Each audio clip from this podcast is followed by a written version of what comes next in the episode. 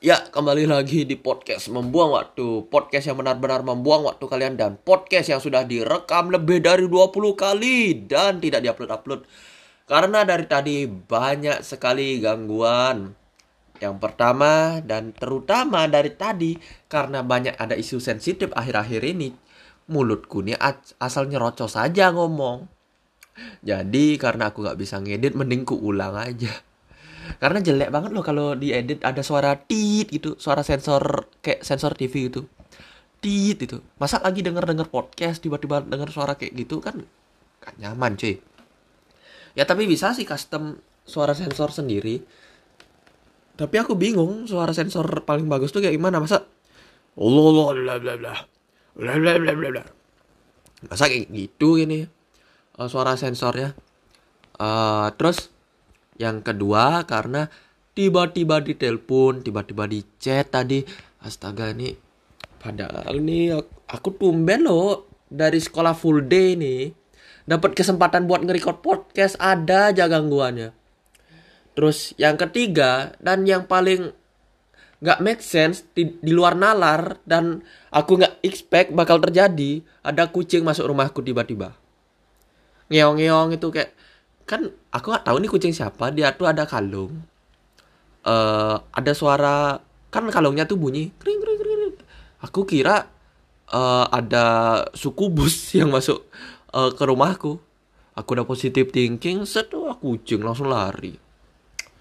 Uh, terus oh ya ya uh, aku udah lama nggak upload podcast nih karena memang pandemi dah usai ya katanya sih udah usai uh, terus karena pandemi udah mulai mereda orang-orang dah terbiasa nggak pakai masker keluar gitu.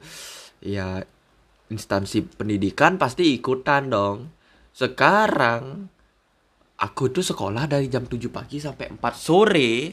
Dan dari jam 7 pagi sampai 4 sore itu nggak ada masuk ke otak. Bener-bener nggak ada masuk ke otak gitu karena guru tuh ngomong kayak asik sendiri gitu. Anak-anak ini ini ini ini ini gitu. Ada lagi guruku ini guru paling parah sih. Ada temanku yang nanya bu saya nggak ngerti bagian ini tolong jelaskan lagi gitu. Dimarah dimarah gitu. Kamu nih dari dari tadi ibu nerangin gitu yang ngerti. Ini kan pelajaran kelas 11 ya ampun. Terus beberapa menit kemudian gurunya bilang yang nggak ngerti nanya jangan diam aja. Lo lo lo. Tadi yang nanya aja dimarah. Ada ya gitulah. Terus aku juga sempet buat aku kan karena aku sekarang udah kelas 3 SMA aku udah mulai ikut bimbel offline dan online. Ya pas aku ulangan nyobalah aku pelajarin. Eh sehari sebelum ulangan tuh aku uh, nyobalah pelajarin matematika. Nah, matematika tuh aku pelajarin di bimbel online yang warnanya uh, ungu, ada huruf Z-nya. ya kalian udah tau lah. Ya Zenius dah, biarin dah. Walaupun ku nggak di aku nggak di apa namanya di endorse, tapi biar mudahnya aku ngomongnya.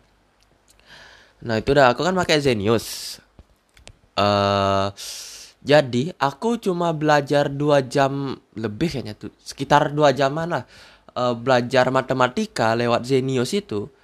Pas ulangan nilaiku tinggi.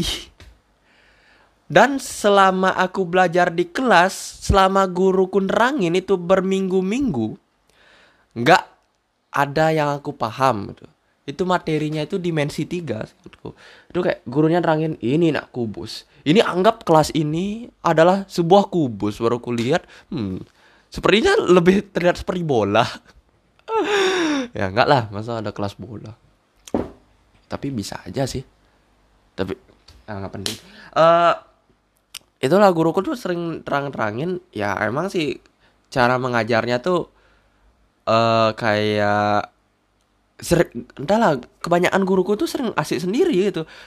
Kayak ini nah ini masuk masukin ini ini. Tabelnya kayak gini bla bla bla bla. Kayak storytelling sendiri dia aja yang paham gitu ya aku akui memang mereka nih pintar-pintar cuma ya coba deh uh, kalian pasti ada aja punya teman pinter. Pinter dalam pelajaran tapi nggak pinter nerangin. Tapi ada juga orang yang pinter nerangin tapi nggak pinter dalam pelajaran gitu. Kayak komunikasinya tuh pinter gitu dan rata-rata guruku itu cuma pinter dalam pelajaran nggak pinter komunikasi. Itu padahal yang sulit. Kenapa ya guru-guru itu jarang banget ada pasti ada aja satu dua guru yang chemistry sama muridnya tuh erat banget itu. Kayak langsung bisa paham gitu.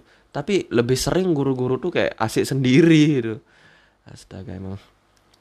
Makanya lah aku di kelas karena aku uh, fokus buat nyari PTN aja sekarang. Nggak peduli aku sama nilai raport karena ya kan sekarang uh, jalur yang umum tuh kan jalur mandiri SBMPTN SNMPTN uh, basically SNMPTN tuh pakai nilai raport terus SBMPTN tuh ya semacam ya kayak UTBK itulah ujian tertulis berbasis komputer. Jadi kita kayak battle royale gitu. Kalau kata orang ya uh, eh, SBMPTN tuh kayak battle royale. Terus SNMPTN tuh kayak gacha. Karena benar-benar hoki-hokian. Katanya sih aku belum pernah ngerasain. Terus ujian mandiri itu kayak pay to win. Tapi nggak pay to win banget sih karena ujian mandiri kan isi tes.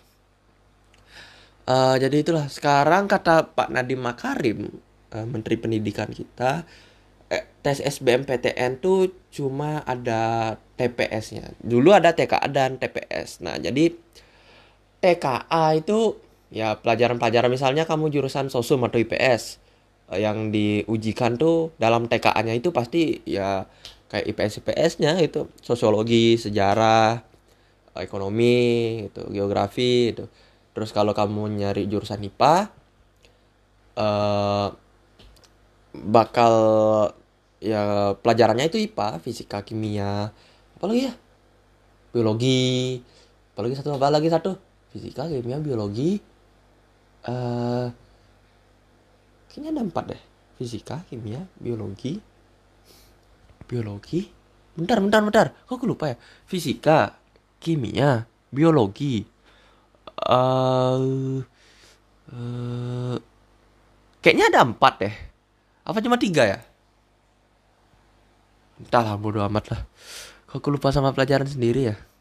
Fisika kimia biologi matematika tuh kan bukannya uh, lebih umum ya? Tar tar aku aku kepo nih.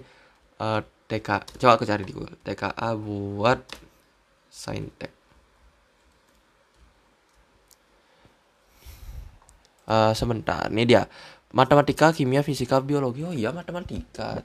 Oh berarti oh yang IPA ada matematikanya yang uh, eh, IPS enggak? Oh sorry aja aku nggak tahu karena aku ngejarnya tuh jurusan IPS uh, eh, tidak karena dulu kan ada dua tesnya TKA dan TPS nah TKA yang kayak aku jelasin tadi TPS itu lebih ke logika gitulah uh, TPS sekarang tuh ada penalaran kognitif, ada literasi bahasa Indonesia, uh, penalaran matematika dan literasi bahasa Inggris kayaknya tuh.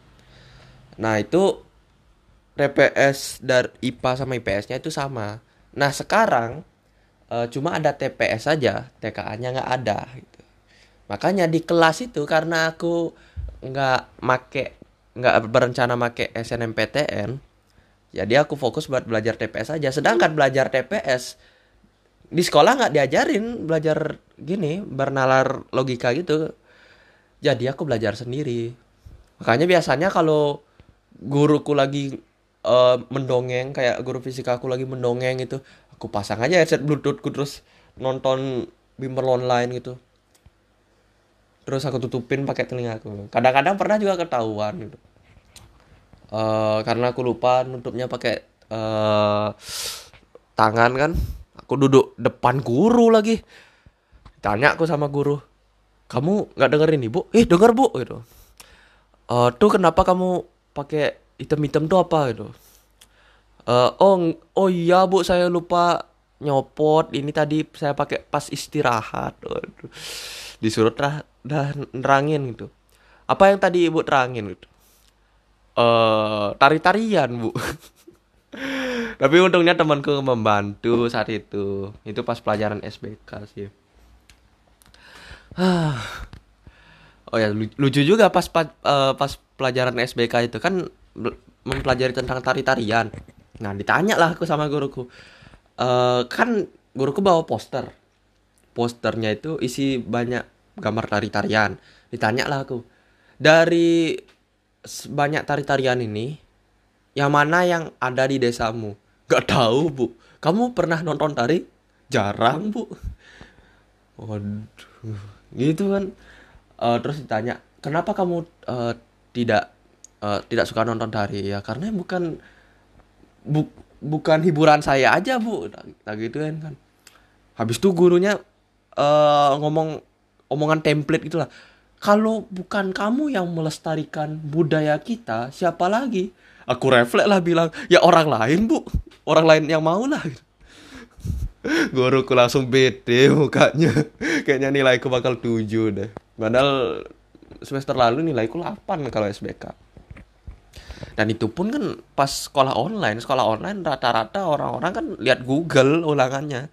Makanya nilai-nilai sekolah tuh rata-rata ya guru tuh nge ngebacot aja bilang oh, kami nggak menilai hasilnya aja nak. Kami menilai proses. Ah, rata-rata guru juga nggak peduli kalau muridnya nyontek. Buktinya teman-temanku dapat banyak nilai 90 100 gurunya nggak curiga sama sekali padahal pas pelajaran ditanya nggak tahu apa-apa. Ya itulah. Dulu pas SMP aku pernah punya idealisme nggak akan nyontek. Akhirnya nilaiku sendiri yang jelek. Sekarang ah persetan lah guru-guru udah nggak peduli lagi sama proses itu. Padahal proses tuh ya ini kata-kata motivator sih aku benci kata-kata motivator tapi ini benar sih. Biasanya proses tuh lebih menyenangkan dari hasilnya kayak misal ketika kamu pingin mendapat barang tertentu itu kamu ya aku pernah sih merasakannya. Aku pingin uh, dapat sesuatu barang nih. Aku banyak perjalanan buat dapat barangnya nih. Tapi pas dapat barangnya tuh kayak kebahagiaannya tuh nggak sama kayak pas prosesnya. Emang sih pas prosesnya tuh ada sedih ada senangnya gitu. Kayak emosi itu naik turun gitu. Ya kayak roller coaster aja sih ah ya itulah oke sebenarnya untuk kali ini aku nggak ada topik sih. Soalnya karena sekarang ini aku pulang cepet karena guruku ya seperti biasa rapat. Kalau rapat guru kan murid dipulangkan. Ya, dan kalau muridnya dapat nilai jelek muridnya yang disalahkan. Padahal gurunya nggak pernah ngajar. Itu aku ngomong itu aman nggak sih? Soalnya sekarang banyak hal-hal tuh cepet banget di cancel culture gitu loh banyak banget ada orang yang cepet tersinggung sekarang. Soalnya akses pada uh, gadget sekarang mudah banget. Aku lihat pas nih di Shopee itu udah di Shopee, di Tokopedia gitu.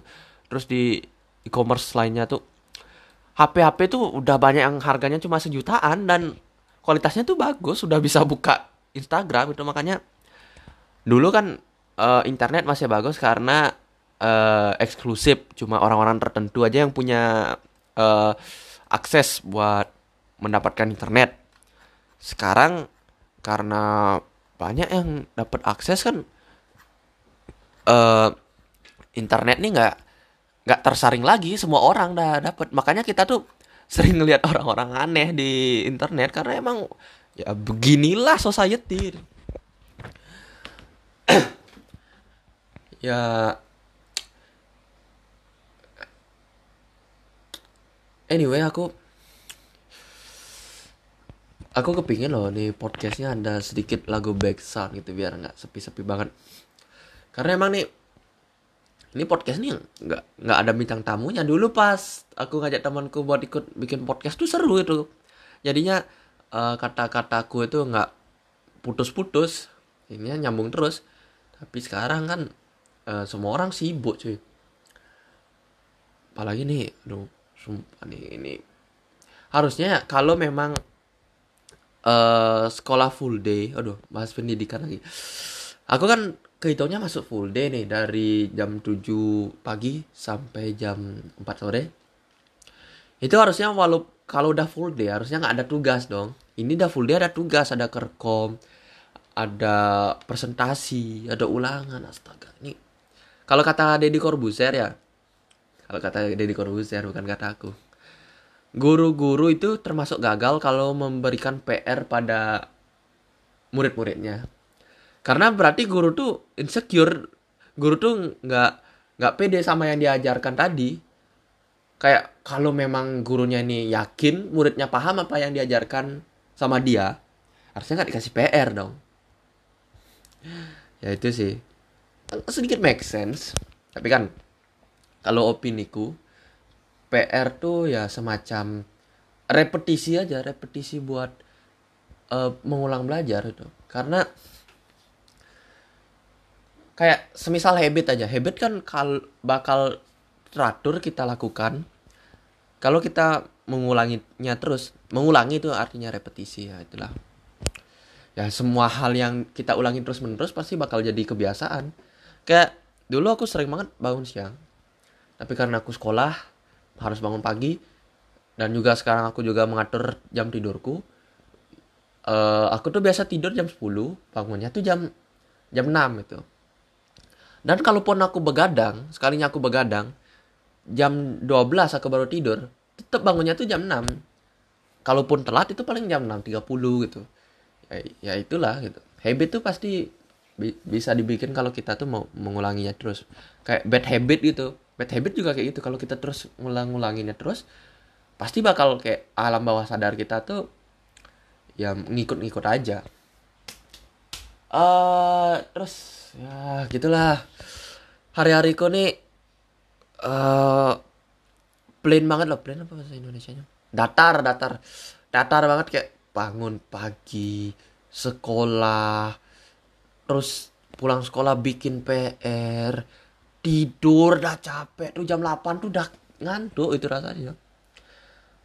Terus bang bangun pagi lagi sekolah lagi. Terus gurunya kayak pede banget. Kalian enak udah dapet sampai jam 4 sekolah. Ya ampun. Memang memang. Jadinya kreat kreativitasnya tuh turun gitu loh. Padahal kayak pas aku liburan itu kan banyak hal-hal yang aku bikin. Aku sempat bikin artikel loh bikin artikel bikin akun IG yang akun IG-nya hilang. Astaga di hack akun IG aku akun IG yang bikin uh, summary uh, ajaran-ajaran gitulah. Uh, kayak summary dari artikel-artikel gitu. Terus aku sering bikin novel juga dulu. Sekarang masih sering sih tapi karena waktu dikit nggak terlalu produktif kayak dulu. Uh, btw aku lapar loh. Oke jangan pendidikan aja terus deh. Jadi uh, dari dulu ini sedikit cerita aja. Uh, aku tuh aku tuh punya hiburan yang sedikit beda sama anak-anak lain. Jadi aku tuh suka buat nonton dokumenter dokumenter video itu lah. Kayak uh, eksperimen-eksperimen ataupun sejarah-sejarah itu. Walaupun nggak terlalu sering sih tapi biasanya kalau ada waktu luang aku biasanya nonton-nonton gitu nah uh, ini biar jadi pembahasan aja lah uh, salah satu dari yang baru ku tonton ya udah banyak sih sampai aku lupa lupa ada banyak sih uh, salah satu yang baru ku tonton minggu ini dan sedikit ku pelajari itu tentang uh, ini aku nontonnya di channel YouTube Alam Semenit. Nah, Alam Semenit ini keren kali sih. Uh, banyak membahas tentang hewan-hewan gitu. Nah, jadi ini judulnya tuh Mike si ayam tanpa kepala. Nah, sempat juga aku nyari di di Google se sebelum ada video ini aku sempat ngelihat itu artikel tentang ayam yang nggak punya kepala tapi tetap hidup gitu. Nah, yang aku bingungnya ayam ini cara cipokannya gimana? nggak pas kawin ayam nggak cipokan ya kasihan gitu loh hidup tapi nggak ada kepalanya itu tapi kalau ayam uh, kalau nggak ada kepalanya itu berarti dia nggak melihat gitu kan. Ini yang aku yang aku tangkap dari video ini sama yang artikel yang aku baca nih. Dia tuh masih bisa hidup karena uh, organ dalam ayam tuh berbeda sama manusia. Jadi ada sedikit kayak otaknya yang mengatur syaraf-syaraf pergerakannya itu masih masih ada di dalam tubuhnya. Makanya uh, dia tuh tetap hidup. Kayak ada hewan apa ya? Gurita ya yang kalau dikasih garam tuh uh, gerak-gerak itu. Karena memang uh, yang kutangkap sih syaraf-syaraf mereka tuh nggak nggak selalu terhubung pada otak itu kalau manusia kan tangan bisa digerakkan karena uh, energi dalam otak itu memerintahkan gitulah kayak memberi gelombang itu. Aku nggak terlalu paham sih soalnya aku sering baca-baca kayak gitu. Cuma bahasanya tuh terlalu ilmiah gitu. Ya, tapi aku karena hobi sedikit mempelajari aja sih. Ya itu uh, kasihan banget sih Mike nih. Mike loh nama ayamnya nih. Tapi yang aku heran ya, uh, kalau memang Mike nih hidup tanpa kepala, berapa berapa harganya di pasar nih? Apa naik juga? Atau nanti kalau mati disumbangin ke KFC? KFC-nya berarti mahal dong kalau si Mike yang dipenggal, eh disembelih. KFC sekarangnya paket hematnya nggak hemat-hemat banget kan? ya, entah kenapa ya KFC dibilang uh, sebagai makanan mewah ya sih karena harganya tuh mahal tapi kan ayam-ayam fried chicken pinggir jalan yang uh, apa tuh minyaknya hitam-hitam kayak oli gitu. Walaupun nggak sehat sih tapi itu enak. Itu sebenarnya nggak jauh beda sama KFC KFC lo KFC McDonald itu di luar negeri itu kayak di Amerika itu kayak uh, nasi campur di Indonesia kayak warteg di Indonesia. Itu kayak makanan biasanya mereka. Makanya di Amerika Serikat tuh banyak banget ada kasus obe obesitas. Karena memang mereka tuh makanannya junk food terus ya kalau aku lupa siapa yang bilang ini.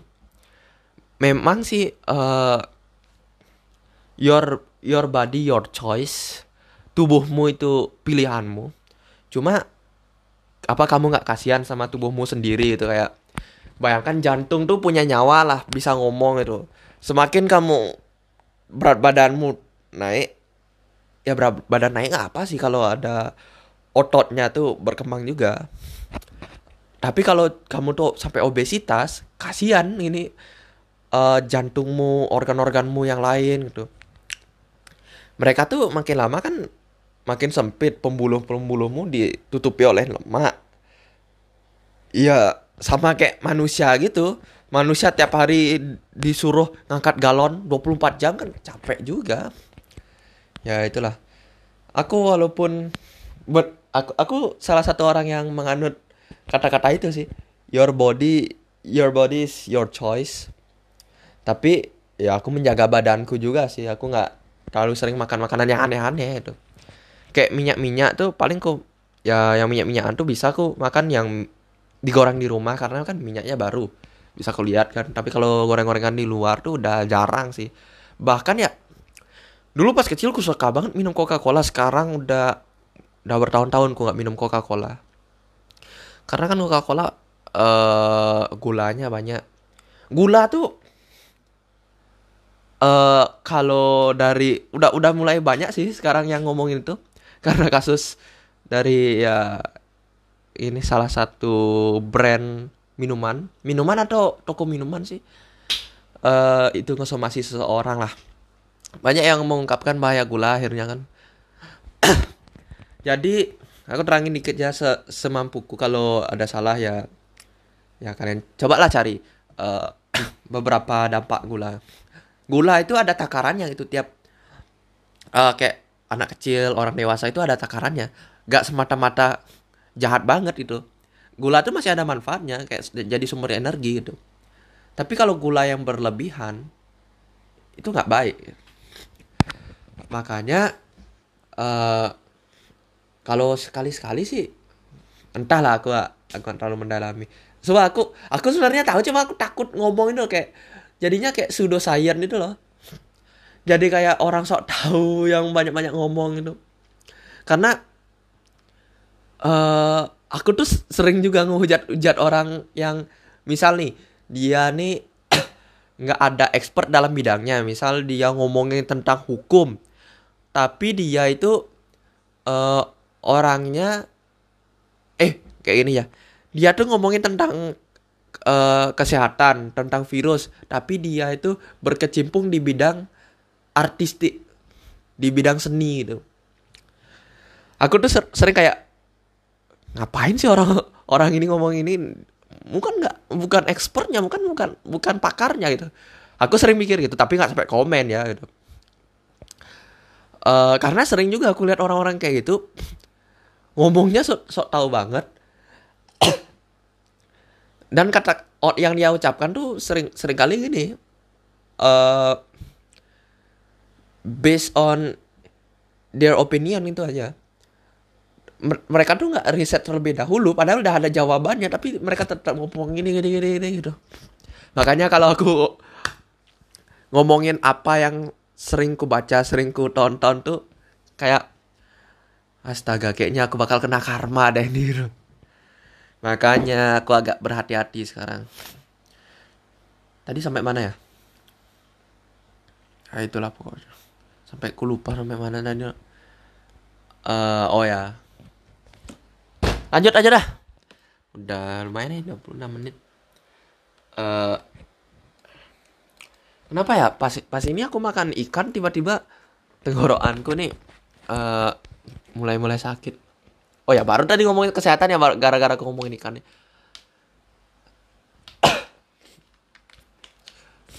Kayaknya cuma podcast ini yang hostnya tuh pilek dan batuk deh. Podcast lain kayaknya aduh kamu lagi sakit nih gak usah podcast besok aja podcast kamu sembuh dulu ya. Ini tidak tidak walaupun aku panas ini sebenarnya panas aku loh. Aku gak tahu kenapa aku sakit kayaknya hari ini. Walaupun panas walaupun pilek walaupun demam tetap bikin podcast.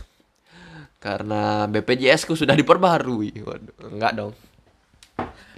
Uh, itulah tentang kesehatan tadi itu yang tadi kan ngomong tentang obesitas itu kan? Ya itulah. Uh, menjaga badan ya sebenarnya aku kan sering bilang kalau habit tuh cara membentuk habit itu adalah dengan cara repetisinya diulang-ulangi gitu. Kita mau mengulangi hal yang sama terus menerus sampai jadi kebiasaan.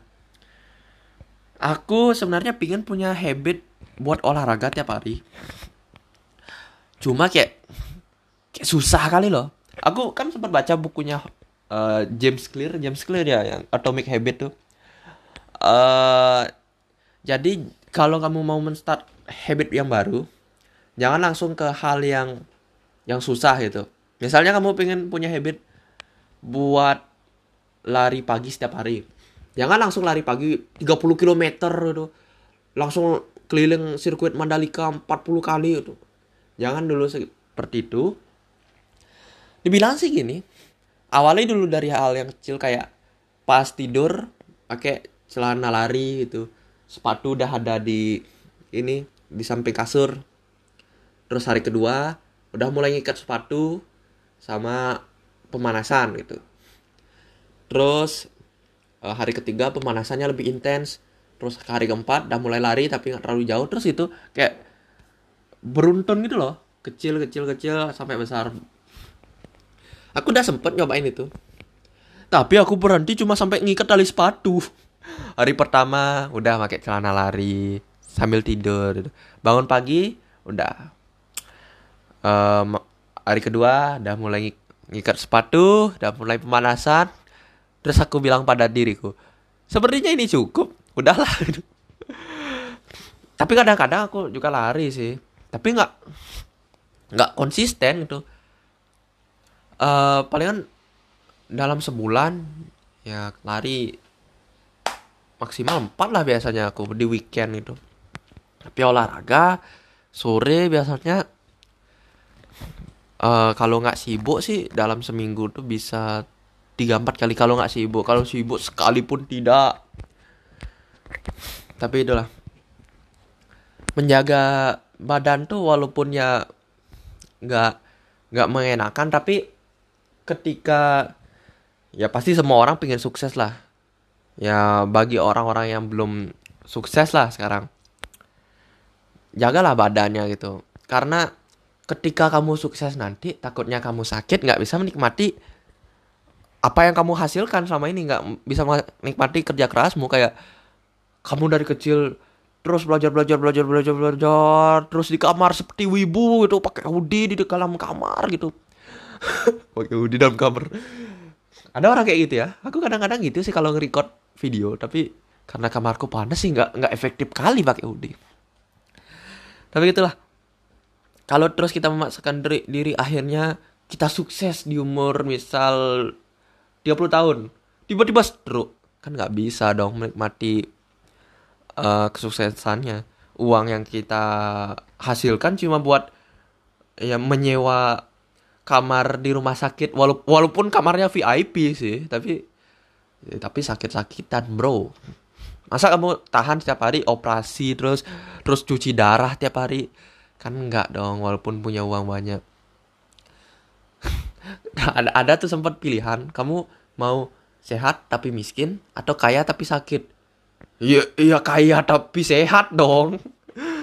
Pilihannya jelek kali mis miskin tapi sehat atau kaya tapi sakit. Kenapa nggak bisa dua-duanya? Uh, terus tentang gini oh ya salah satu aku kan suka nonton dokumenter kan. Salah satu yang aku suka tuh dokumenternya. Aku baru nemuin nih. Aku biasanya nonton di Netflix sih tapi karena Netflix udah habis. Langganannya dan Netflix sekarang semakin mahal uh, jadi aku nonton nonton YouTube aja. Ini ada channelnya namanya tuh uh, uh, play pain painly difficult painly difficult. Painly uh, gini. Pain tuh bahasa Indonesia apa? Uh, sakit rasa sakit. Painly difficult. Uh, salah satu dari videonya tuh ada eksperimen tentang ini judulnya tuh The Dark Side of Science The Horror of the Ape and Child Experiment uh, 1932 nah ini tentang eksperimen seorang anak kecil dibesarkan bersama simpanse. Ape itu simpanse sih? Adalah ip ip monyet apa simpanse? Kalau monyet kan monkey simpanse. Ya benar kayaknya. Nah itulah pokoknya.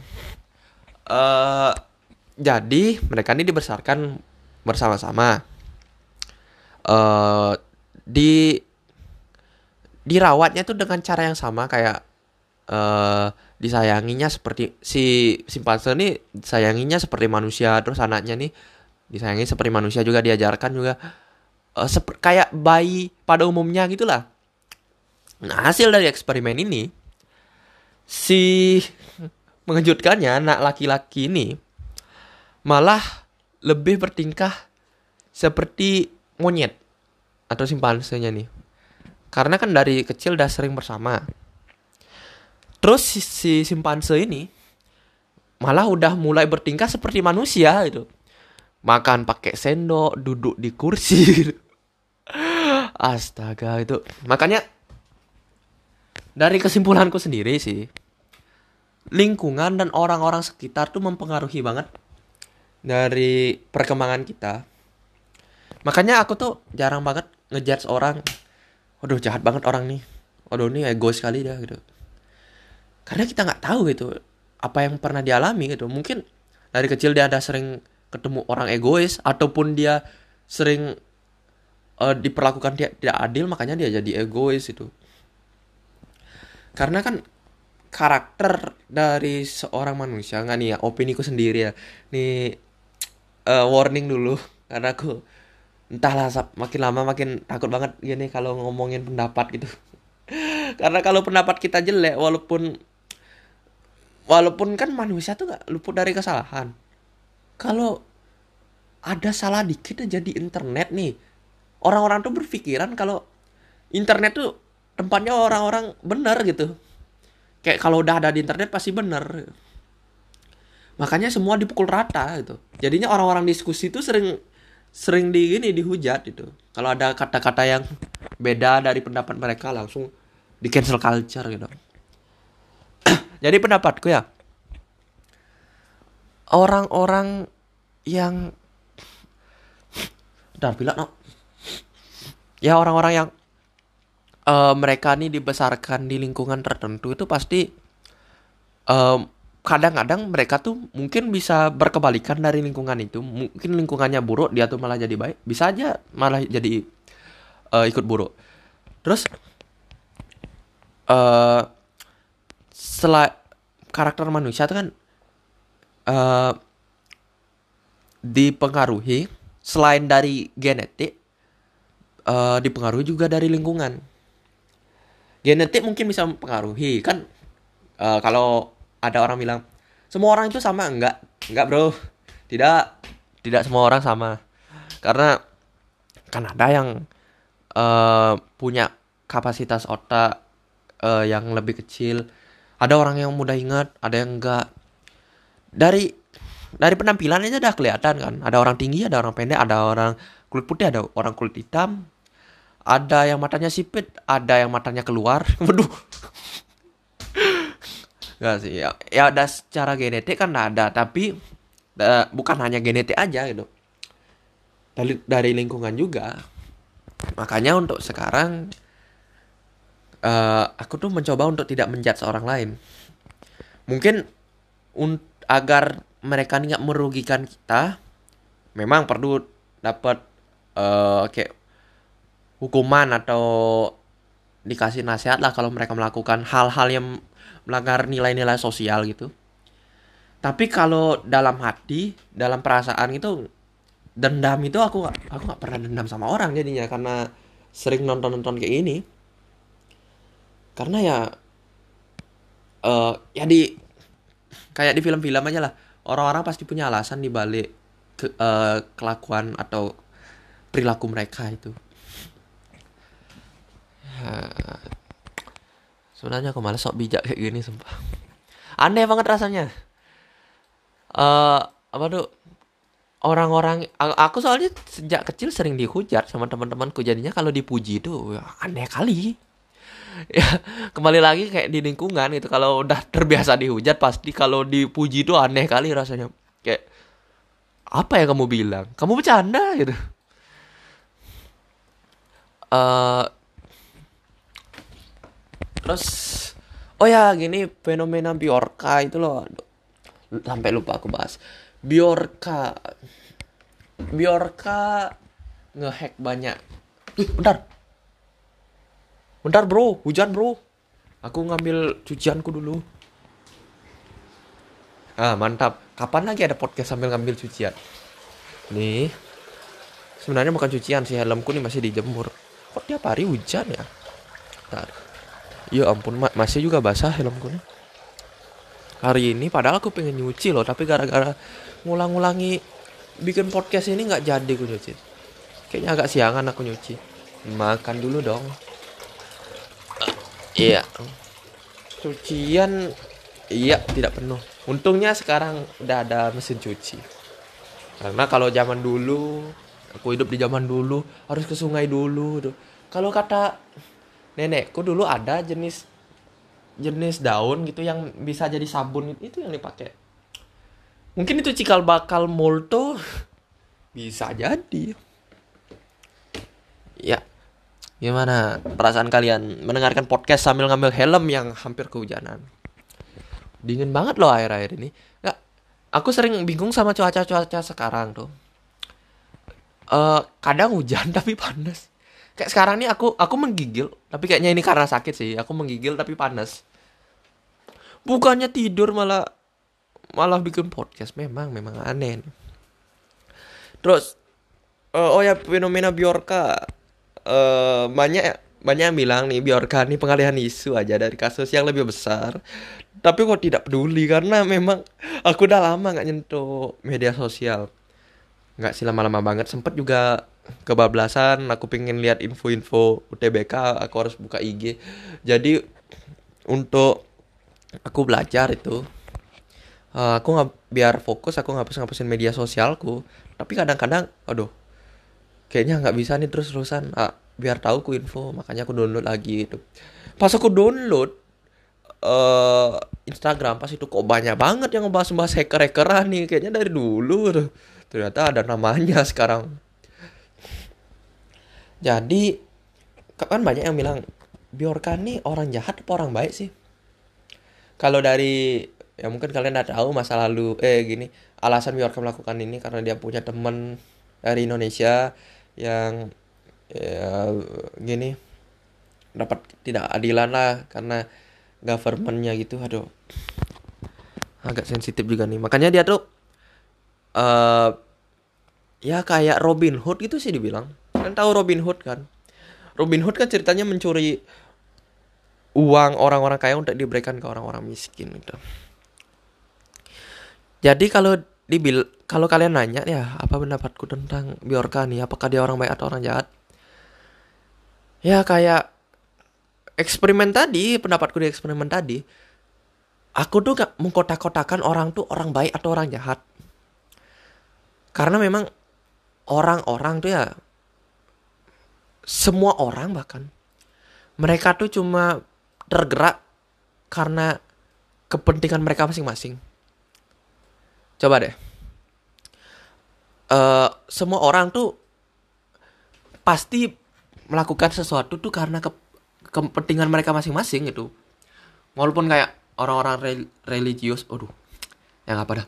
Uh, orang-orang religius kan bilang enggak aku melakukan ini berbuat baik aku ikhlas itu tapi ujung-ujungnya kan uh, tuntutan mereka adalah agar masuk surga. Karena kan biasanya ya di agama agama mana pun berbuat baik imbalannya adalah surga itu tapi kan itu ada kepentingannya artinya kan ada kepentingannya. Kepentingannya adalah masuk surga itu kayak uh, kita belajar kepentingannya apa? Ya untuk menambah ilmu.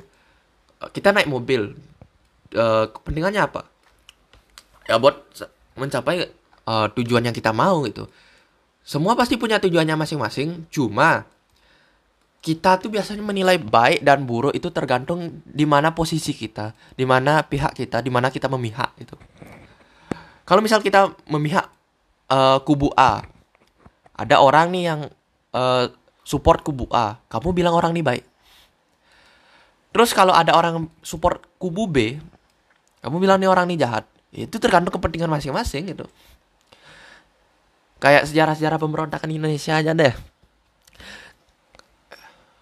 Indonesia ketika ada penjajah kayak Belanda atau Jepang, kita kan memberontak itu artinya.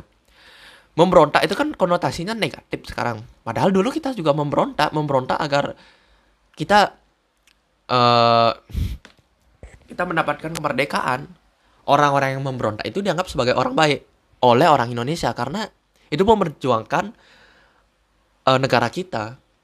Sedangkan para penjajah itu adalah orang-orang baik versi orang orang penjajah itu.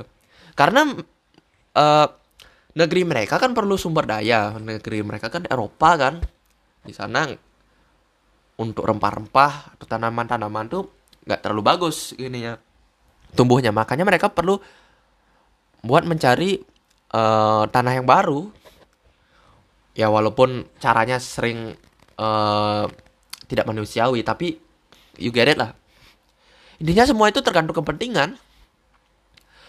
Baik dan jahat itu relatif banget tergantung ap apa kepercayaanmu bagaimana nilai-nilai uh, moral yang kamu pegang gitu Makanya kalau untuk kasus Bjorka nih ya karena uh, kebetulan aja kepentingannya dia tuh ada yang bertentangan sama rakyat Indonesia, ada yang uh, ada yang juga satu satu jalan gitu kayak orang Indonesia seneng ketika tahu bahwa dan di gini kan pemerintah di olok-olok sama Bjorka bilang kudet lah gitu stop being an, an idiot gitu.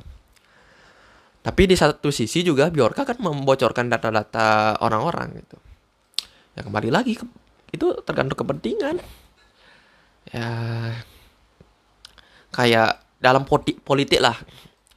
Orang-orang dalam politik tuh bisa aja hari ini bersahabat, bisa besoknya musuhan. Bisa awalnya bestie, besoknya enemy.